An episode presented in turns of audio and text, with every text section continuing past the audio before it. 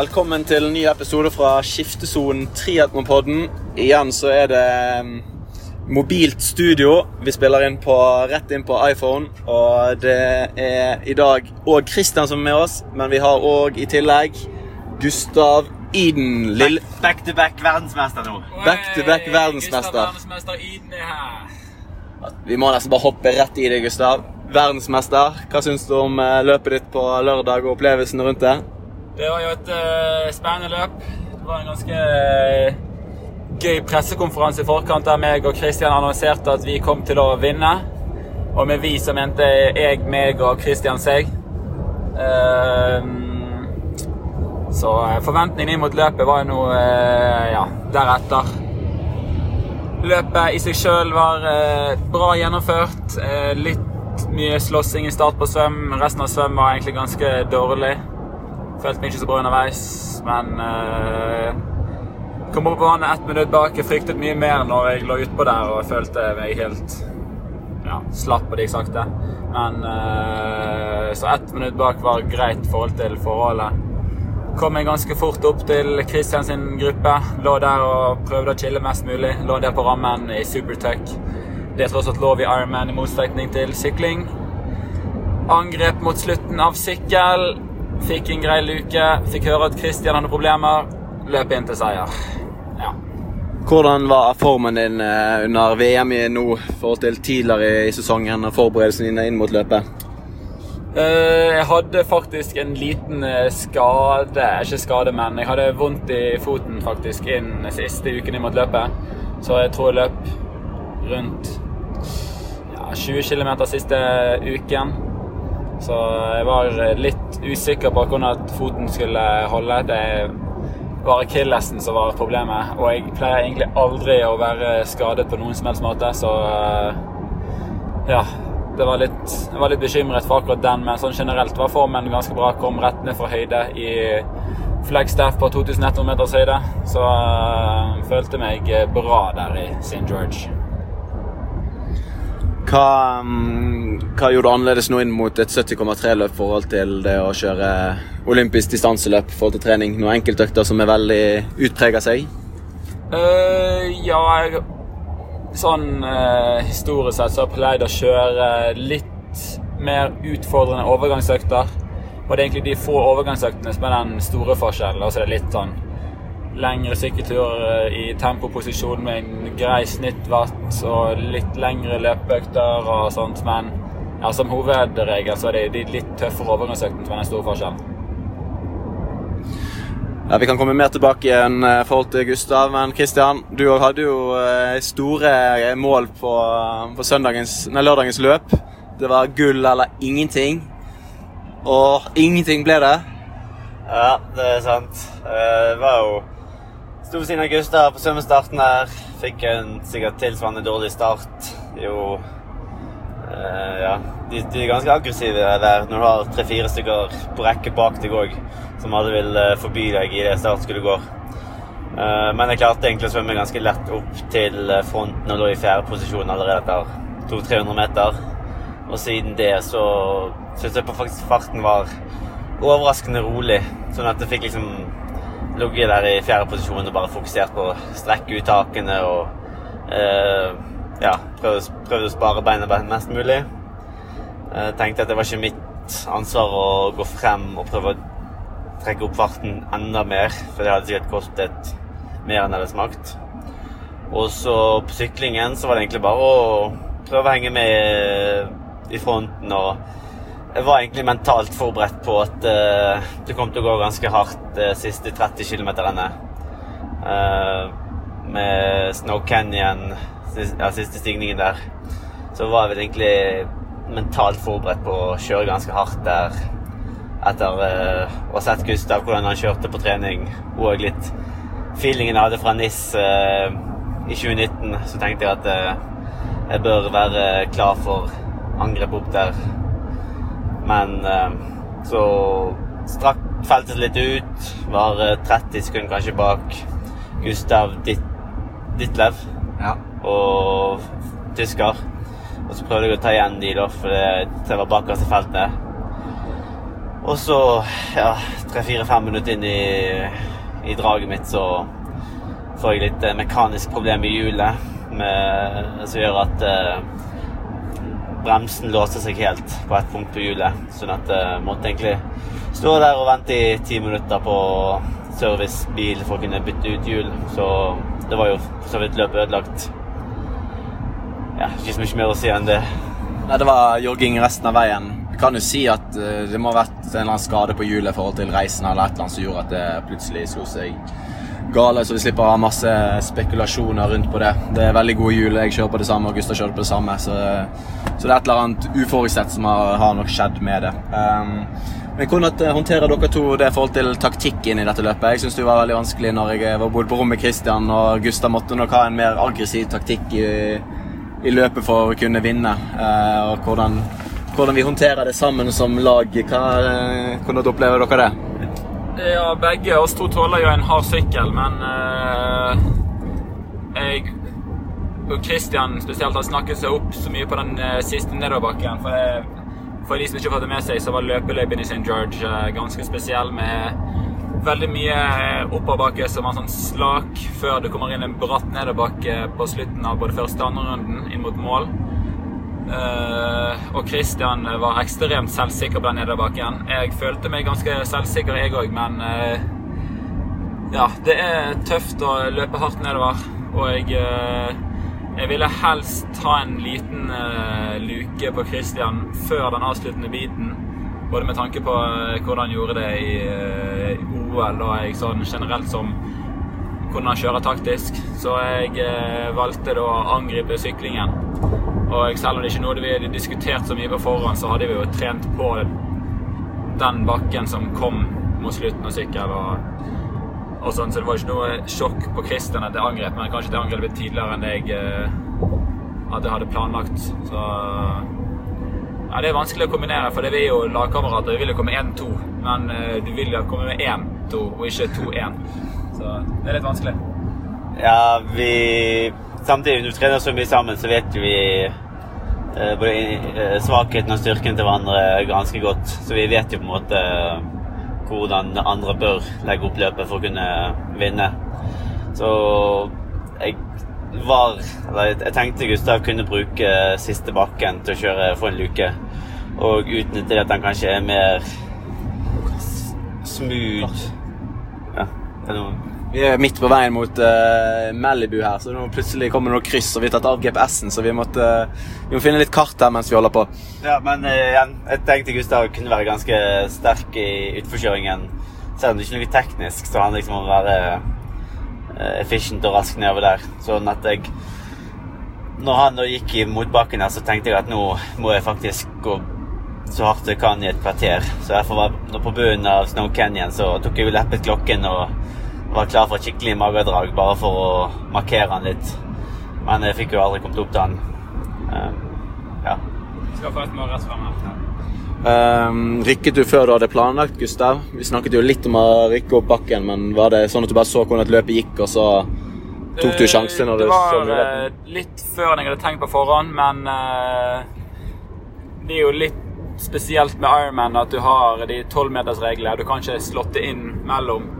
Så jeg, plutselig havnet jeg i tredjeposisjon litt tidligere enn jeg hadde tenkt å kjøre meg opp til. Og da så jeg meg snitt til å bare legge meg i front, for det, farten var ikke så høy der. Um, så det var litt, uh, litt sånn tilfeldig hvordan ting utviklet seg i løpet av et løp. Så jeg tok den sjansen jeg eh, så, og så justerte jeg planen deretter. Ja, litt spekulasjoner, da. Hvem eh, hadde vunnet uten Kristian sitt eh, ødelagte hjul? Det er liksom det som er bittert. Vi får aldri vite det. Så eh, vi kan nesten bare stille opp neste gang, og så sjekker vi da. Hvis, hvis de hadde røker ti minutter senere, så tror vi jeg hadde hatt en litt bedre magefølelse for hvem som hadde gjort det. For hvis Gustav hadde fremdeles kjørt ifra meg når jeg virkelig prøvde å ta han innpå, så hadde han vunnet. For jeg måtte liksom bruke den bakken på å ta innpå de 30-40 sekundene? Ja, jeg syns det er veldig vanskelig å, å spå.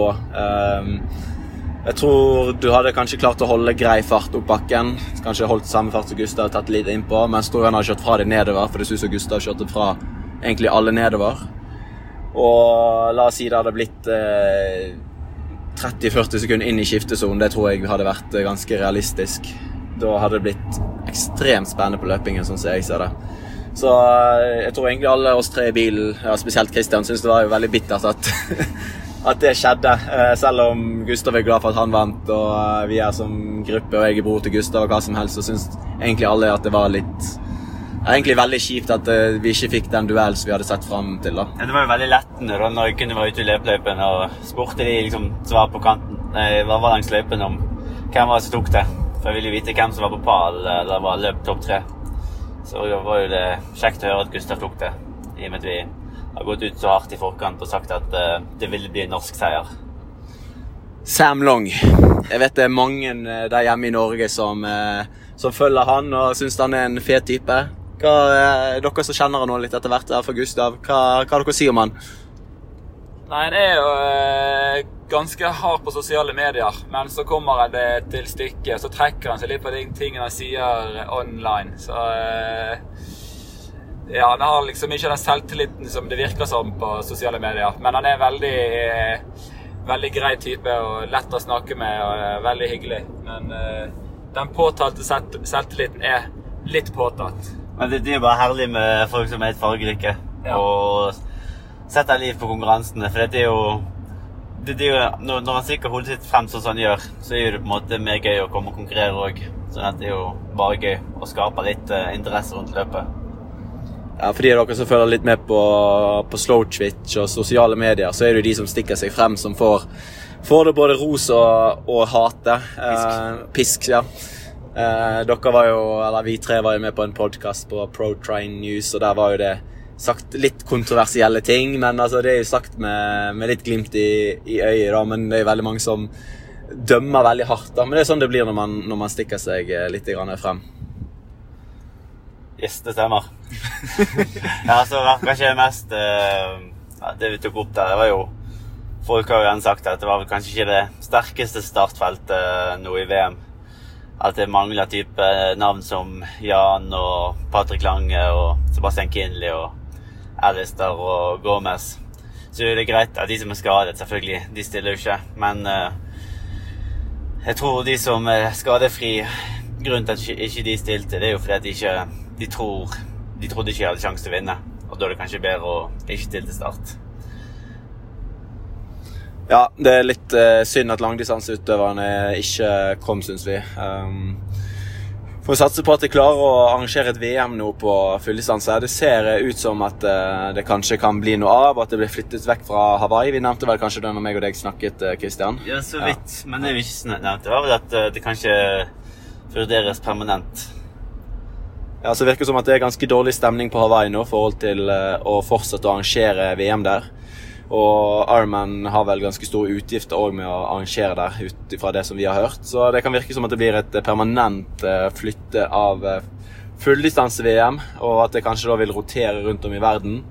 Til neste år så kan det være at det blir i St. George eh, igjen. Eh, de har en langdistanseløype der som vi var så hadde så flaks å teste litt av i går. eh, og så får vi se da om de klarer det. Det er ganske kaldt i St. George frem til ut i mai. Så um, det kan jo bli eh, litt på problemer. Eller så sier også noen rykter at de kanskje skal flytte det til da, California eh, som permanent. Ingen som, ingen som helt vet. Nei, men eh, for eh, profesjonelle så er det VM som er den tiltrekkende tingen med Hawaii. Det er liksom ikke noe mystisk øy eller eh, noe sånn spesielt for min del, men det er det VM som er greien, å konkurrere mot de aller beste. Men jeg skjønner at mange eh, mosjonister og agegroupere de synes at det er Hawaii som er greien, at VM er ikke så nøye seg sjøl. Så det er jo litt todelt. Men eh, for min del så går det helt fint å flytte på det. Men det er vel litt som Ole, da. Det var vel bare i Hellas eh, back in the days så begynte de å rotere rundt på det. Så det kan jo skape mer eh, interesse rundt omkring i verden ved å flytte rundt på VM òg. Sånn det er jo mye positivt som kan ringe med seg. At det får bedre inntekt for Ironman. Eh, at de kan komme til eh, ja, nye, større steder. Kanskje til og med Europa. Frankfurt. Og ja, Frankrike. De, de de klarer å arrangere ganske gode løp der òg. Men jeg har ikke noen nostalgisk eh, følelse til Ironman. Og for min del så kunne det like godt vært eh, Challenge som arrangerte det største, eller nå som det ser ut som det, det blir eh, PTO som arrangerer noen major-konkurranser som begynner allerede neste år. Ryktene sier LA, tror jeg. Jeg er litt usikker. Men ja, PTO har vist seg å klare å arrangere store løp på en god måte med masse pengepremier. Og det er jo det som jeg er interessert i, å konkurrere mot de beste mot ja, ikke pengepremien seg sjøl. Eller det er jo en viktig del av triatlon å kunne tjene penger på det. Men det å faktisk ha såpass mye som står på spill, at alle stiller opp der og vil vinne. Det er mer statusen som gjør det. Jo mer pengepremie du putter på det, jo mer betyr det kanskje for de beste utøverne. Jo mer topper de inn mot det, og jo mer gjevere blir det. Det er jo kanskje det som gjør at det blir spesielt. Ja. Ja, enig der. Så det vil spennende, gå en spennende tid i møte med, med Ironman. Um, eller triatlon generelt sett, med PTO som da satser uh, såpass hardt som de gjør. Har fått inn noen nye investorer. Og har jo som mål om å, om å være med og påvirke idretten ganske sterkt. Nå, kan, ja. nå, har vi fått en del uh, lytterspørsmål her i, på, på Instagram her, så kan vi gå gjennom de. Tar du første, Mikael? Da tar vi lytterspørsmål. Får vi ta, litt, skrive litt, si litt sånne lange svar da, som vi gjør det litt mer eh, interessant. Spørsmål 1. Gjøres det store endringer i opplegget inn mot Ironman-oppkjøringen? Og da regner jeg med at han tenker eh, Ironman eh, Cozumel og Ironman California, som dere skal kjøre da henholdsvis om fire uker og om åtte uker. Blir ikke det cirka det? Jo, altså det største forskjellen er at vi er nødt til å få de øktene på rundt race pace. Egentlig mest for det muskulære. Altså det å løpe to, to og en halv time på 3,40 fart. Det, det, er noe helt annet muskulært uh, for hamstring og, og lår uh, enn det å løpe tre blank. Sånn at det, det vil få et par sånne økter inn med fatigue fra sykkel, som er, er vel største forskjell, istedenfor de raske 12 ganger 1000 på bane. Hvor lang tid eh, tenker du at uh, sånn optimalt sett at det tar å trene seg opp til en Ironman fra olympisk distanse? Um, kommer vel litt an på, men det blir vel Får gjort veldig mye på seks uker. Altså Nå, nå er vi vant til å gjøre mye volum og base, men seks-åtte uker kan vi gjøre veldig mye eh, spissing. Sånn at det er jo det som blir planen min nå etter Malibu. Så går jeg hjem, har en uke litt rolig. Så det er vel fire uker i høyden, en uke i lavlandet og så to uker på Cozumel. da. Sånn at eh, jeg håper jeg får gjort jobben der. Jeg tror det er litt verre med Gustav, som har mindre tid til å spisse inn eh, formen. Ja, Gustav, hva tenker du skal gjøre inn mot California? Store eh, endringer? Ja, det er egentlig løpingen som er den store forskjellen. Heldigvis for meg så har jeg løpt ganske mange lange økter tidligere, så jeg har på en måte det grunnlaget for å løpe langt, men jeg har ikke løpt så mange lange økter på den farten. Men eh, jeg tror overgangen muskulært skal gå litt bedre. Eh, og så er det selvfølgelig sykkelbiten og ernæringsbiten her jeg ganske trent på allerede. Så eh, det er den eh, muskulære treningen på lang løp som eh, blir den største forskjellen. Du har vel allerede vært litt i gang med Ironman-trening, halv-Ironman-trening i noen uker? har ikke du? Jo, så eh, rett fra olympisk til halv-Ironman blir det ikke. Nå blir det faktisk fra superleague til eh, hel Ironman og menn. Men uh, jeg, har, jeg har kommet ganske greit i gang med den lenge løpingen, så. Vi har fått et uh, spørsmål òg fra din kompis Gustav. Uh, hvor og når er deres neste konkurranse, og hvor blir konkurransen sendt? Hvis den blir sendt på TV eller YouTube eller hvor? Vi kjører Superleague i Malibu nå på lørdag. Jeg vet ikke når denne episoden blir publisert, men i dag er det i hvert fall mandag her. Eh, vi kjører da fra ja, St. George, der VM var, til Malibu nå.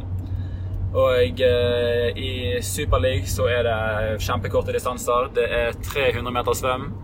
4 km sykkel og 1600 meter løp. Og eh, vi skal da gjøre Eller jeg vet ikke hvor mange jeg skal gjøre, da. For det er den eh, versjonen vi kjører på lørdag, det er Eliminator. Så etter hver sykkel og løp så er det den siste som blir eliminert. Og eh, akkurat nå så kjenner jeg meg ikke så konkurranseklar. Det er fortsatt noen dager igjen. Men jeg håper nå jeg klarer å overleve til eh, i hvert fall litt ut i konkurransen. Det, det er faktisk fire stykker som rykker ut etter første sykkel. Og så tror jeg det er én som rykker ut etter første løp. Én eller to. En. Og så er det to minutter pause fra vinneren kommer i mål. Så vi begynner på nytt igjen. sånn at eh, Der har de kuttet pausen med åtte minutter.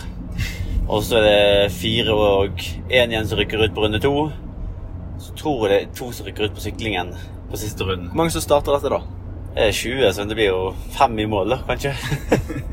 Super Six som er til slutt. Jo, det er Super. Six. At det er alltid seks stykker som får komme i mål uansett. eh, Så om du er sjettemann og ligger langt bak, så får du likevel fullføre. Det er bra dere har startpenger og ikke premiepenger på dette greiene her. Vi har jo lyst til å ha premiepenger òg, så vi vil ha mer, vet du. Og når det gjelder hvor konkurransen blir sendt, så i Norge så tror jeg den blir sendt på triatlonlive.tv.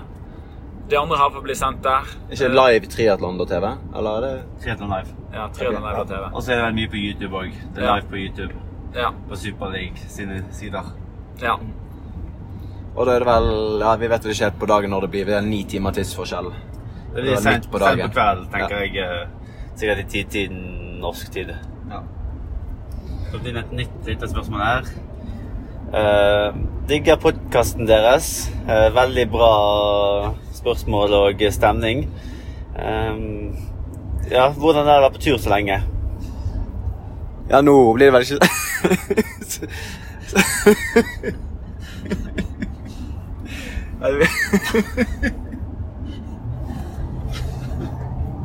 Ja, Grunnen til at jeg er fordi jeg fikk ikke sånn skryt av Christian, så jeg bare finner på noen spørsmål her. Men eh, Christian er så glad i å skryte at han, eh, hvis han ikke får noe, så tar han det sjøl. Men eh, hvordan er det altså tur, på tur så lenge? Nå har jeg faktisk vært vekke i fire uker. En uke i Slovakia, to uker i Flagstaff og en uke i St. George. Så um, det var litt kjipt å være i Flagstaff alene. Jeg hadde jo planer at Mikael skulle komme opp der. Men pga. litt eh, diverse problemer med immigrasjon med noen NIE og litt forskjellig, så kom ikke Mikael seg inn før på mandag for en uke siden. Så når vi er en gjeng samlet, så er det null stress å være vekke. Det er ikke noe vi savner. Og eh, som oftest reiser vi til steder der det er utrolig fint å trene. Så det er null stress fra Christian sitt spørsmål, som han stilte seg sjøl. Hva syns du om det, Kristian? Det spørsmålet du fikk inn her. Jeg syns det er veldig kjekt å være på tur. og ehm, Så lenge vi har det vi trenger å ha kontroll. Det er litt mer hassle nå med alle reisepapirene vi trenger. Sånn så Vi skulle ned her, hertil, så var vel du på ditt tredje forsøk. Tredje flybillett ned her. Stemmer det? Så skulle sett Mikael han gikk gjennom siste immigrasjon i Denver. Når han hadde blitt tatt til side og inn på et annet rom. Da tenkte han at eh, nå ryker faktisk hele turen hans igjen. Så Passe svett. Jeg hadde ikke forberedt meg at jeg skulle være så svett eh, på den eh, turen der. Og hun som var foran meg i køen, da kom det to sånne sivile politi og hentet hun i håndjern. Eh, og da var ikke bare jeg som stresset, Kristian, for du òg var hentet ut av samme kø. jeg var rett framme her og var klar til å bli tatt sjøl. Nei, men Det er veldig kjekt å være på tur, og det er sånn forhold til tidsperspektiv når man reiser litt sånn Når man ikke bare er på samme sted i fire uker, men har vært litt her og litt der på konkurranse og sånne ting, så føler man egentlig ikke så veldig mye på at man er, man er vekke, fordi man har litt sånn nye impuls, impulser innimellom. Så det er egentlig bare stort sett bare kjekt. Da har faktisk Thomas kommet med tre spørsmål her. Første terskelvatt. We need to know. Litt, litt usikker akkurat nå, men nå i tempostilling så er jeg kanskje utendørs 360. Så ikke kjempehøy foreløpig. Så jeg tenker jeg må sykle litt mer før uh, Eller LT2 er ikke så viktig mot Cosmel nå de neste ukene. Sånn at det blir mer å få opp LT1 og bruke minst mulig karbohydrater. Ja, LT2 er da anarob terskel, og så LT1 er, er arob terskel. Og når man kjører Ironman, så er jo det da den arobe terskel som er da mest interessant, for det er jo det som blir gjerne da race base. Men hvor stor forskjell er det på landeveissykkel og temposykkel inne ute? Har du noen sånn gitte forskjeller der, eller? Det varierer mye. Sånn som i motbakke kan jeg fint kjøre Ikke fint, men eh, 400 watt gjerne på terskel. Litt lavere på flate strekker gjerne. Kanskje rundt 380. Norge i bra terskelform. Gustav? Jeg ligger jo litt under Christian, så uh, tipper reell terskel, ikke sånn FTP-gjetteterskel. Da du tror du treffer på meg nå, det er rundt uh, tre I tempoposisjon 3.25, noe sånt 3.30 kanskje. Så jeg lå ganske mye lavere når jeg kjørte terskel i høyden, for det ja, høyden er hard, og det var i tillegg helt flatt, så det var vanskelig å få opp torken så mye. Så da lå jeg på rundt 3,10 på terskellaktat. Men så handler det vel om at man skal kjøre fort, som er litt av hemmeligheten. Uh, Gustav hadde jo en av de laveste wattverdiene i går, kanskje, men likevel syklet fortest. Så det handler litt om hvordan du klarer å være effektiv på, på sykkel, sitte aerodynamisk og ja, sitte oppreist på en rulle og trø høye wattverdier på Swift er egentlig litt uh, uinteressant sånn sett. Ja, han var effektiv, og så er det litt det som er kanskje stor forskjell på dere. Kristian uh, og Gustav er vel kapasiteten på terskel, hvor lenge man faktisk kan ligge der. Uh, der da Anarob terskel er jo da der laktaten ligger stabilt og ikke, og ikke stiger og stiger og stiger. Så man kan jo ligge over terskel gjerne i 50-60 minutter sånn hvis man er veldig, veldig god. Men her handler det om kapasiteten. Et nytt spørsmål. Gustav og Taylor Nibb høres ut som en power-duo.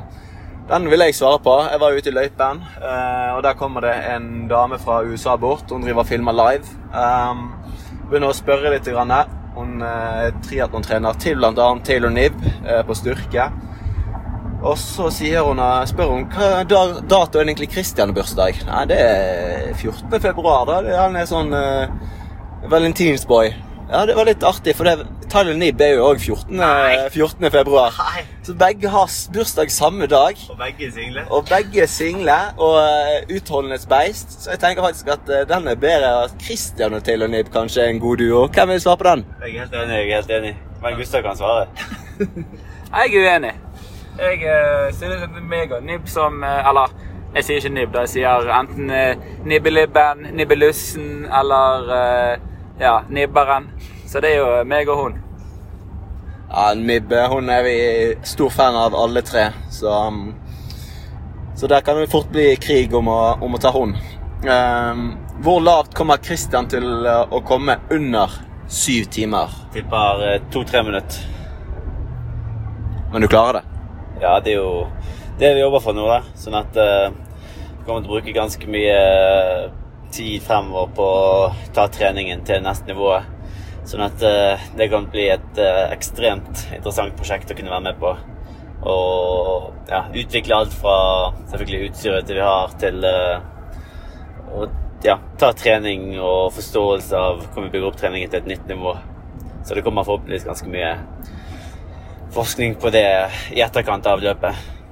Har du noen eh, ting dere ser på som du kan avsløre nå, eller vil dere holde ting litt mer hemmelig fortsatt? Det handler jo om å være mest mulig effektiv, da. Så selvfølgelig på utstyrsbit, men òg eh, i kroppen. Hvordan du bruker energien på å få det ut i pedalet. Sånn at eh, det går på ja, effektivitet. Ja. Efficiency. Efficiency. Ja, Gustav, hva tror du om Christian sin Sub 7? Går det? Jeg tror med riktig tid rundt han så skal det gå bra. Men det gjelder å finne sterke nok syklister spesielt. Det å ha en løper som løper 2,20 ja, rundt der, er jo null stress, egentlig. Men å ha de sterke nok syklistene og ha budsjettet nok til å få fatt i det, det blir verre. Men så lenge det går på plass, så har jeg troen. Og jeg tror løypen blir annonsert veldig veldig snart. Så planen er å reise til uh, stedet. Det blir mest sannsynlig i Europa, noe som er ganske kult.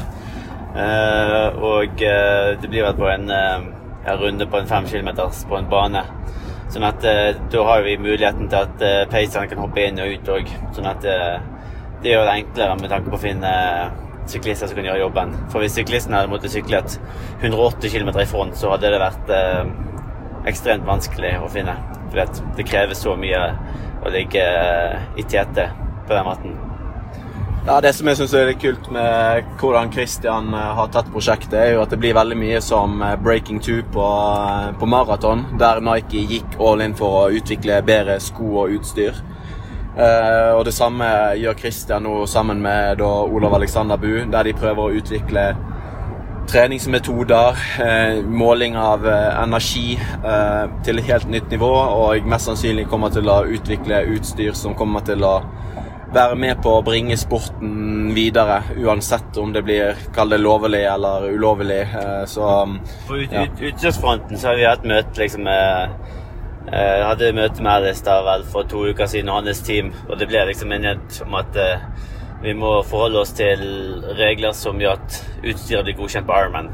Altså Vi kan ikke komme der med en helt eh, Vi kan ikke komme der med en liggesykkel, f.eks. Du må ha sykler som blir godkjent på en Ironman. Og sammen med våtdrakt og alt utstyr. Så, men på en Ironman så har du litt andre regler enn UiC sykling. Sånn at vi har likevel et ekstra spillerom å gå på.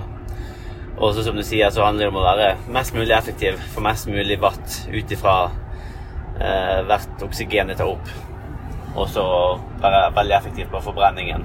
At det meste skjer på eh, fettforbrenning. Og så kommer vi til å jobbe med energiopptak og legge mye ressurser i det. Så forhåpentligvis så klarer vi å finne Pushe alt til det ekstreme der. Det er faktisk et veldig kult område her utenfor Los Angeles. Vi har ca. 100 km igjen til vi er inne i downtown LA. Og det er ganske kult her med litt fjell og litt sånt for de som er interessert i det. litt eh, annerledes enn eh, Vestlandet. Her har vi firefeltsvei og så vidt svinger. Yes, Neste spørsmål. Næringstips under en 70,3. Bare eh, maks på med Morten eh, 320. Det er mitt ernæringstips.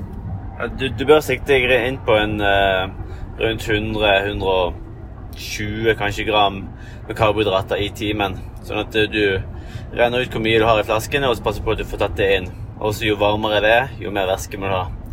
Så for eksempel estimerer du at du kommer til å svette 2,5 liter i timen, så bør du få i deg 2,5 liter i timen, og så fordele kaloriene utover det. Er det kaldere, så vil du heller ha litt mer eh, kompakte kalorier ved gel. For da kommer du sikkert ikke til å drikke like mye volum. Er Morten så mye bedre enn eh, andre produkter? Eh, Det er iallfall veldig mye mer lettvint, og jeg eh, Ja, det er bedre under konkurranse. Det er jo ekstremt dyrt om du ikke driver og drikker på det hele tiden på trening, men eh, jeg er heldig som blir sponset og kan bruke det på trening, og jeg, personlig så mener det er bedre. Jeg har selvfølgelig ikke prøvd alt av ernæringsprodukter, men fra de jeg har prøvd, så er det forskjell. Ja, som Gustav sa, det er jo dyrt, men jeg tenker hvis du eksempel skal kjøre en halv Ironman eller Ironman, så koster det vel det fort. Ikke en Ironman koster 5000 kroner, kanskje være med på. Sånn at eh, Ikke det er allerede dyrt å være med der, men eh, du vil jo på en måte investere litt ekstra på å få ernæringen òg. Kanskje bruke det på konkurransedagen, og eh, ha to kvalitetsøkter hvor du gjør det på trening òg. Hvor du rett og slett kjører kanskje en simulering av konkurranse. Tre timer kanskje på rulle og to timer på tredemøll, hvor du passer på at du får i deg de kaloriene inn. Og det som er fint nå, er at du får jo både Red Bull og Morten i Aid Station på Ironman-løpene. Tror det er fast nå fremover. Så hvis du eventuelt vil, så kan du faktisk få i mål med flere gels enn du begynte med. Ja, Det er et godt tips å stjele med seg gels under konkurransen. Ta masse på siste, siste drikkestasjon, så det går i pluss. Men eh, som alltid, prøv å øve med, med de produktene som du skal bruke i konkurranse på, på trening. Ja. På intensitet. Så det jeg liker å gjøre eksempel når jeg løper på Møl og kjører for 6 ganger 2000, så når jeg skal trene på å få i meg ernæring, så gjør jeg det i, mens jeg løper. Så løper jeg kanskje 1 km, og så bruker jeg eh, 100 eller 200 meter mens jeg løper på møllen, hvor jeg drikker. Og sånn at jeg prøver å drikke med høy ventilasjon og liksom likevel klarer å slappe av og uten å få mageproblemer. Eh, ja, Tilleggsspørsmål da fra min side. Koffein forhold til konkurranse. Tar dere før, underveis, eh, etterpå? Eh, ja, koffein er jo eh, Det er jo prestasjonsfremmende, så det er jo eh, Det er jo bra å bruke, spesielt om du eh, tåler det. Men eh, folk flest i dag er vel vant til å drikke kaffe, så koffein er ikke noe problem. Jeg liker ikke å ta det i form av eh, kaffe, for jeg blir ofte litt dårlig i magen av, av det. Så jeg tar min koffein som Morten koffeingel, som har 100 milligram i, i hver gel. Så jeg tar rundt 200 milligram før en konkurranse, og rundt en halvarmen så blir det rundt ja, 300 underveis i konkurransen. Og da tar jeg det litt tidlig på sykkel og kanskje i starten på løp. Ja, så det er greit å time i forkant. Så jeg har jo gjerne for en time før løpet tar en Red Bull for å få litt sånn kvikk opp, og samtidig få kaloriene inn. Og så syns det er godt å mikse en flaske med sportsdrikk og med Red Bull for å få litt smak, og det hjelper til å drikke litt ekstra òg. Som kanskje tar siste flaske med Red Bull og rett før jeg skal løpe. Sånn at jeg timer det sånn at Hvis jeg har tre flasker på sykkel, så er den jeg tar sist. Så at jeg har kvikna litt opp før løpingen igjen. Ja. Um, den har vi svart på. Da er det hunden til Paula Finley. Ja, det hadde vært kjekt å ha en landslagshund. Selv om jeg føler jeg alltid reiser rundt med kjæledyr. Ja, vi var oppe på eh, hotellet i går på eh, Det var et lite platå på toppen der. Så eh, satt vi der og solte oss litt og koste oss. Så kom Paula Finley og eh, Erik Lagerstrøm fra YouTube-kanalen That Triathlon Life opp. De hadde med seg hund og satt på taket der og koste oss i går. Så hvem, var, hvem er størst kjendis i triatlonmiljøet? Hun eller dere? Dere fikk en fin selfie, eller hun fikk sin fin selfie? Både òg, så det blir litt sånn cross eh, followers. Så vi får vel en ekstra drypper vel litt eh, ekstra følgere over på oss, og så får vel hun litt ekstra følgere òg. Dere har jo blitt eh, kjent med, med mange. Hvem eh, er det, Vi snakket jo litt om Sam Lang. Hvem er det som er mm, kanskje mest forskjellig i virkeligheten i forhold til sosiale medier? Er det noen som stikker seg fram? Nei, jeg kjenner egentlig ikke de så godt til at jeg skal eh, uttale meg så veldig, men Sam Long er jo ja, kanskje en kandidat der. Men jeg synes han, er, han virker jo som han er på video. Syns du det? Ja, Han er jo liksom høyt oppe og godt humør og full energi. full energi. Det ja. Ja, det stemmer. Så jeg tipper egentlig hvis du liksom bare blir kjent Han, han er jo kanskje litt usikker når han treffer selveste Gustav Iden. Men jeg tror hvis du blir kjent med han, så er han eh, 100 sånn som han er på video. Ganske herlig fyr. Ja, et spørsmål. Dameløpet. Hva, har vi noen kommentarer til dameløpet? Lucy Charles vant jo ganske overlegen. Tyrell Nibb kjører på landeveissykkel, kom på tredje. Ja, det var jo sykt det å se Lucy Charles slo Gustav med 20 sekunder på svømmingen. Heldigvis slo jeg henne. Eh, Men hun var jo en klasse for seg sjøl. Vant med åtte minutter. Det er en maktdemonstrasjon. Og hun fikk vel beste svømmesplitt, sykkelsplitt og løpssplitt blant damene. Sånn at, sånn at det, det er lite å ta på hun der. Og eh, skal det sies at eh, på forrige episode av Skiftesonen Triatlonpodden så sa jeg at hun sikkert kom til å gjøre det ganske dårlig. For hun har vært i høyde, og jeg trodde hun hadde sikkert gått på noen eh, smeller der. Så ja, hun imponerte meg ekstremt. Og hvem andre da? Jeg trodde Tylen Niv vil være mer oppi der og gi henne en reell fight. Daniela Reef var jeg litt mer usikker på. Hun virker som at hun har kanskje ikke er helt 100 sitt gamle seg sjøl. Sånn at uh, forhåpentligvis klarer hun å finne ut av litt hva som er problemet nå, og få, få et reelt comeback igjen til eh, Hawaii. Nå skal vi også holde oss til eh, venstre i veien her. Venstre, Ja. Mot eh, San Diego skal vi kjøre mot. Um, ja, hun Hva heter hun som kom på andreplass? Hun uh, Matthews? Nei. Um, ja, hva heter hun, da? Det finner vi mens de holder på. Her kommer sikkert Sverre til å klippe ut dette her. Dette kommer ikke dessverre til å klippe ut, for han pleier aldri å høre gjennom episoden eh, når han spiller inn. Så vi kan legge på noe sånn eh, pausemusikk, Christian.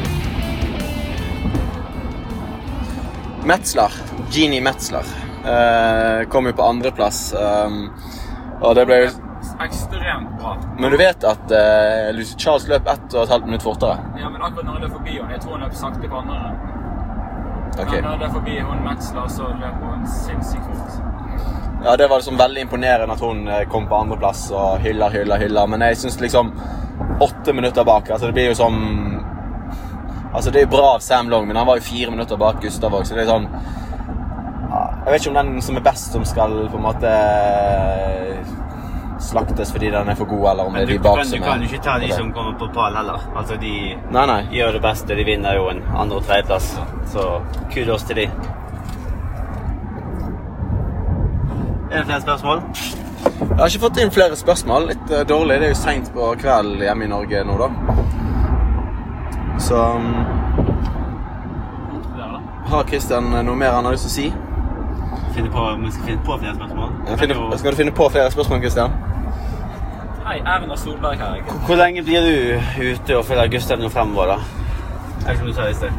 Eh, Det tror jeg ikke jeg har sagt. Jeg blir vel med Gustav eh, frem til vi kjører California.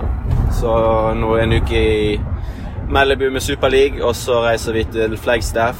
Så er vi der i tre uker. Og så reiser vi da ned igjen til, eh, til California og skal kjøre Kjøre løpet der i Sacramento. Så får vi se om vi reiser ned veldig seint, eller om vi reiser ned eh, eh, ja, litt tidlig for å se på løypen. Det har ikke helt bestemt oss for. Hele turen nå så langt har jo nesten gått, blitt til mens man går. Ja, vi hadde jo ikke bestemt oss for reisen i dag. Vi har ikke ordnet noen ting for to dager siden, så dette er jo bare noe vi har klart å Vi haik ned til eh, eh, Las Vegas flyplass med noen som var eh, på takterrasten kvelden før. Og så nå i leiebiler fra flyplassen til eh, Los Angeles. Så det har vært litt sånn funnet på mens vi har vært ute og reist. Litt, litt dårlig planlegging. Men dette er vel òg litt de to ukene vi har på en måte litt slack i programmet òg. Ja, dette er litt, eh, Nå er det sesongpausen til Christian. Hver gang vi med Gustav sier og her er jo eh, det og her er det, så har han lyst til å kjøre omvei. Så Christian virkelig er på USA-bølgen nå og koser seg i en svær SUV og har sjekket opp prisen på bilen. og Skikkelig giret på å nesten flytte, flytte over. Jeg har lyst til å flytte til Lionel Sandon, vet du. Komme til Eller finne den gjengen i Boulder. De virker så fette. Gutta krutt og pusher der. eh, Oss youtubere imellom. Land of the free. Yes. Um, ja, skal jeg ta finne på flere spørsmål? Flere spørsmål. Du er god på Ja, hva, hvorfor kjører dere langdistanse, da? Hva, hva er greia med det? Når det egentlig det er vel Paris som er målet om eh, tre år. Er det fornuftig å bruke så mye tid på det? Uh, ja. Så jeg, eh, jeg er en fan av å leve livet. Så jeg Ja. Ta, ta livet litt som det kommer. Så har jeg jo noen store mål, selvfølgelig, med å vinne OL. Men jeg eh, fortsatt såpass troen på den treningen vi gjør inn mot kortdistansen, at en eh, liten halv sesong med litt annet fokus, det kan gjøre godt. Men eh, jeg er helt klar på at det er OL som fortsatt er det store målet. Men jeg skal ikke stoppe oss for å leve likevel. Det er vel litt sånn som de syklistene de som kjører cyclocross om vinteren og eh, ja, fullt rittprogram og de, de, de klarer jo på en måte å holde trykket mer gjennom vinteren, så jeg tror det kan være bra egentlig å være litt i begge miljøene. Både litt langdistanse, kjøre litt Superliga og så VM-serien. Eh, rett og slett fordi du blir utfordret eh, på aerodynamikk og på kapasitet her på langdistanse, og så kommer du på Superliga og får eh, konkurrere mot de beste av de beste på det tekniske og farten og akselerasjonen og det taktiske. Sånn at jeg tror eh, så for, for motivasjonen sin del og så det egentlig ha det kjekt Oi, satan! Her var det tight i trafikken. Her var det to vogntog som presset meg litt ut. Um, det, altså, jeg tror egentlig det å kunne bruke de konkurransene som vi kan til å utvikle oss, eh, er jo bare kjekt. Og så handler det òg litt om å leve livet. vårt litt òg. det er jo gøy å konkurrere. Vi har jo en ganske sånn dynamisk trening. altså Det er ikke sånn fast sånn her ser desember ut, sånn her ser januar ut, sånn her ser det ut. altså De testene som man har gjort opp gjennom det jeg har sagt på podkasten, definerer jo litt hvordan man trenger å trene den perioden som kommer. Eh, Så sånn sett så er det veldig, veldig levende og flytende treningsprogram. Nå blir vel du, Kristian, å kjøre um, fulldistansetrening frem til sub 7, som ser ut til å bli i juni, ikke sant? Jo, og så tenker jeg meg til det da er helt fintunet inn mot sub 7 i juni, så er det ganske naturlig å bare fortsette på formen inn mot oktober. Eh, VM òg på Hawaii, eller på Ironman. Og så er det tilbake igjen på kortdistanse i 2023. Men det sa jeg på forrige episode. Du, Gustav, hvis det blir eh, Hawaii i april-mai, eller ikke Hawaii, men Ironman-VM i april-mai, velger du å kjøre det, eller hva tenker du?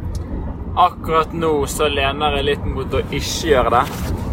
Men uh, ja, som sagt så tar jeg litt ting som det kommer.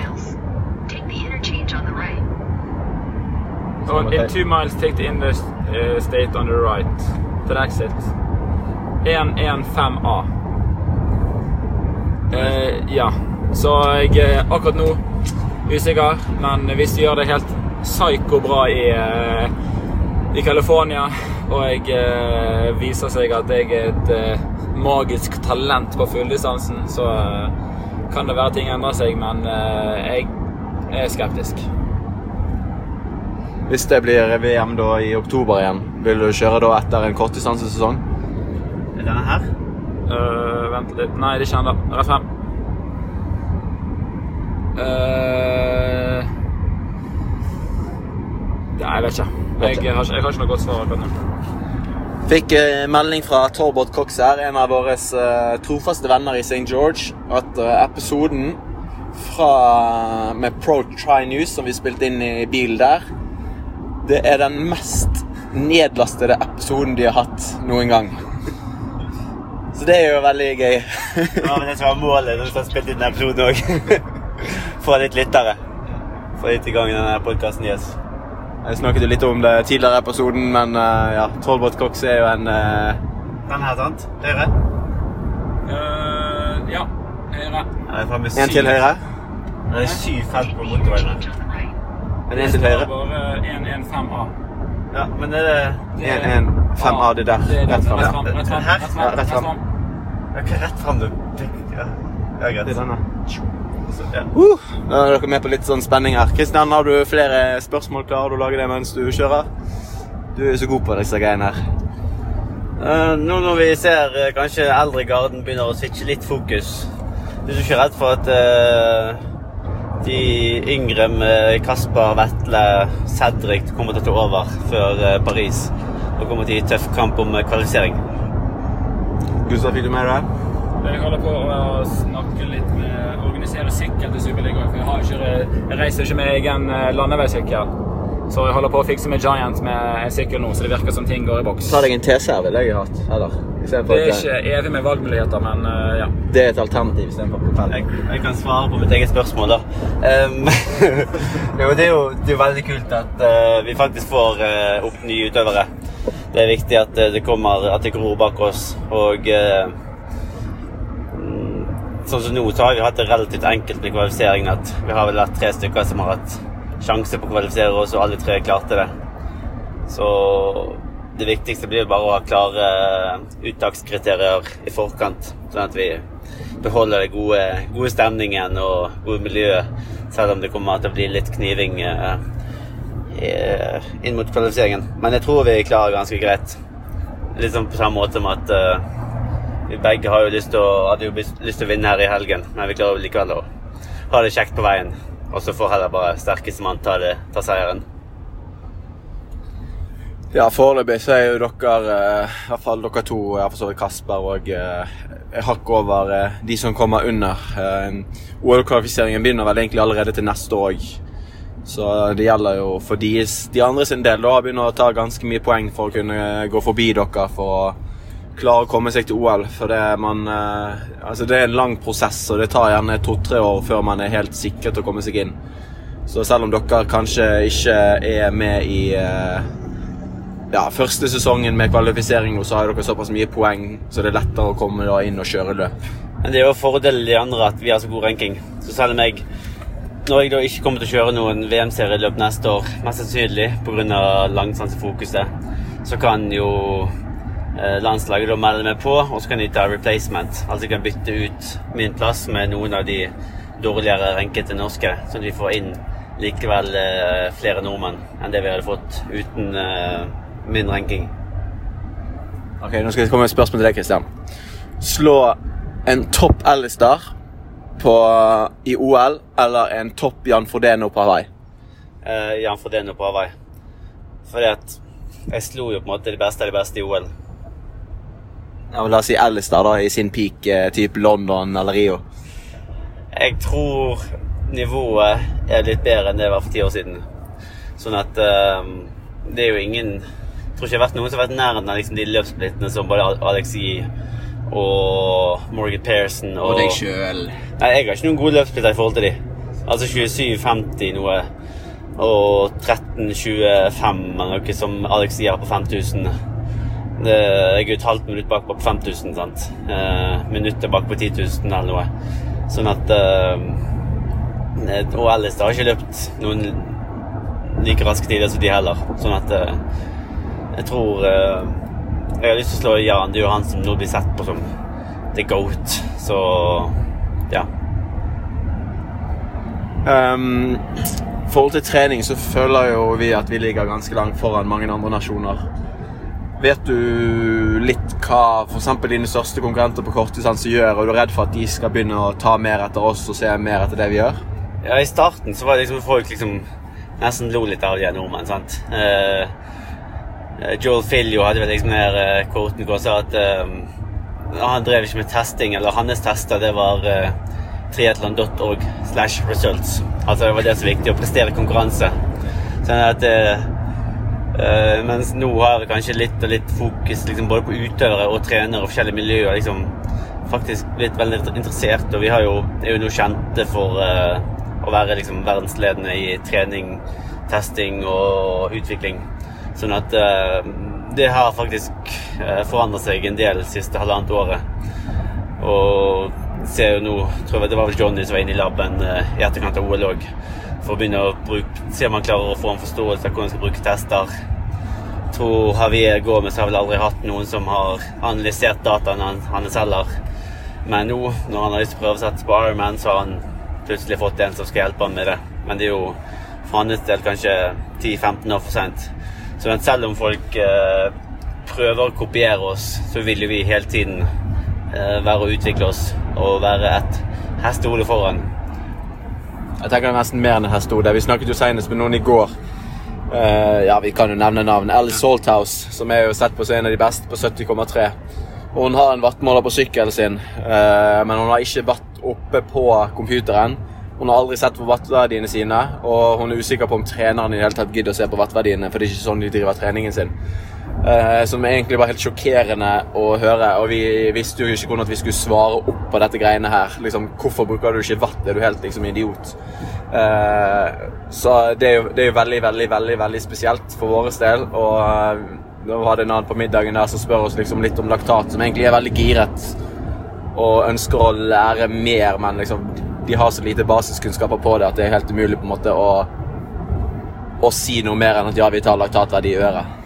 Ja, og så men, men du merker liksom at utøvere er jo interesserte og prøver å lære og I hvert fall de, de har nå, nå er det liksom mer at eh, de skjønner at eh, den testingen vi gjør, faktisk funker. Det er jo kanskje litt sånn som eh, når Team Sky tidligere liksom begynte å ta ting til nye nivåer. Liksom begynne å sykle ned etter ritt for å få ut melkesyren. Og du hadde liksom de andre lagene som kanskje sto og lo litt av de. Og når eh, Team Sky gikk og kjørte, kjørte på wattverdier i fronten av feltet, eh, så lo jo kanskje andre lagene litt. Men plutselig så driver jo alle lagene Tour de France med tilsvarende. Eller de prøver i hvert fall. Sånn at eh, det har i hvert fall funket. Og nå har jo vi faktisk vunnet de tre største tingene som har vært i år. VM-serien, OL og eh, VM på 70,3. Så det er kult at eh, Bergen er liksom den nye nye triatlon-hovedstaden i verden. Tatt over fra Leeds og tatt over fra Tyskland. og Ja, jeg syns det er litt viktig å si Bergen, for det er jo ikke Norge. Det er Bergen. Ja, det er, det er Bergen. Det er bergensere. Selv om vi sjøl kanskje ikke er så glad i å trene i Bergen, så er det, det er Bergen som får medaljen. Ja, ja, det er jo der vi har fått selvtilliten fra og troen og alle de timene i regn, vet du. De, du må liksom elske Du må ha en ekstremt indre, indre drivkraft for å orke de langturene i etter ti minutter hvor du er iskald, men du har likevel tre timer og 50 minutter igjen.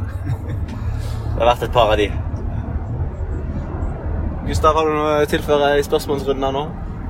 Uh, nei, ikke utenom at vi skal uh, kjøre rett fram. Fortsatt. Rett fram. Rett fram. Rett fram. Da har vi kjørt rett fram i fire timer her nå, uten noe særlig svinger. Det var ekstremt mye smog her. Det er overraskende. Det ser jo nesten ingenting. Det er, det er ikke som med friske norske luften. Det er jo skogbranner i Ja, det er helt vilt. Du ser jo faktisk Ja. Jeg vet ikke hvor langt jeg ser. jeg. Ikke særlig langt. Den, det har vært noen skogbranner her som har gjort at utøvere har slitt med lungene og ikke fått trent skikkelig. Så vi er jo langs kysten i Malibu, så håper vi får eh, er det pålandsvind heter. Sånn at vi får litt frisk eh, havluft. Det er kanskje litt deilig å få litt sånn fuktighet òg. Det har vært ekstremt tørt oppe i St. George. 40 grader nesten inni den gryten eh, som ja, byen ligger inni. Så, Både meg og Gustav har jo fått sånn Johaug-leppe. Helt uh, sprukket opp. yes. Men ingen klystebol. Ingenting for det, så det er derfor det fortsatt eh, ser helt forferdelig ut. Men eh, jeg tror eh, vi eh, takker for oss, jeg, vi nå. Og så håper jeg at dere satte pris på denne her roadtrippen. Det er så mange YouTube-kanaler som er Getting coffee with comedians og Coffee ride with eh, masse sånt. Så det er jo sånn populært å snakke i bilen. Dette er Route 66 with the guys. Så podkasten kommer til å hete. Men hvis dere har noen nye spørsmål til neste episode, skyt de her under på Instagram. Mikael kommer til å legge ut et bilde til denne podkasten her, så kommer vi til å svare på de kanskje til helgen allerede. Ja, dere har en uke på dere hvis dere skal ha Kristian med i podkasten. Eller seks dager, og meg og Gustav skal være på tur litt til, så vi kan jo fyre på med videre episoder sånn som dette. Men eh, takk for at dere har lyttet, så snakkes vi seinere. Ha det. Ha det! Ha det!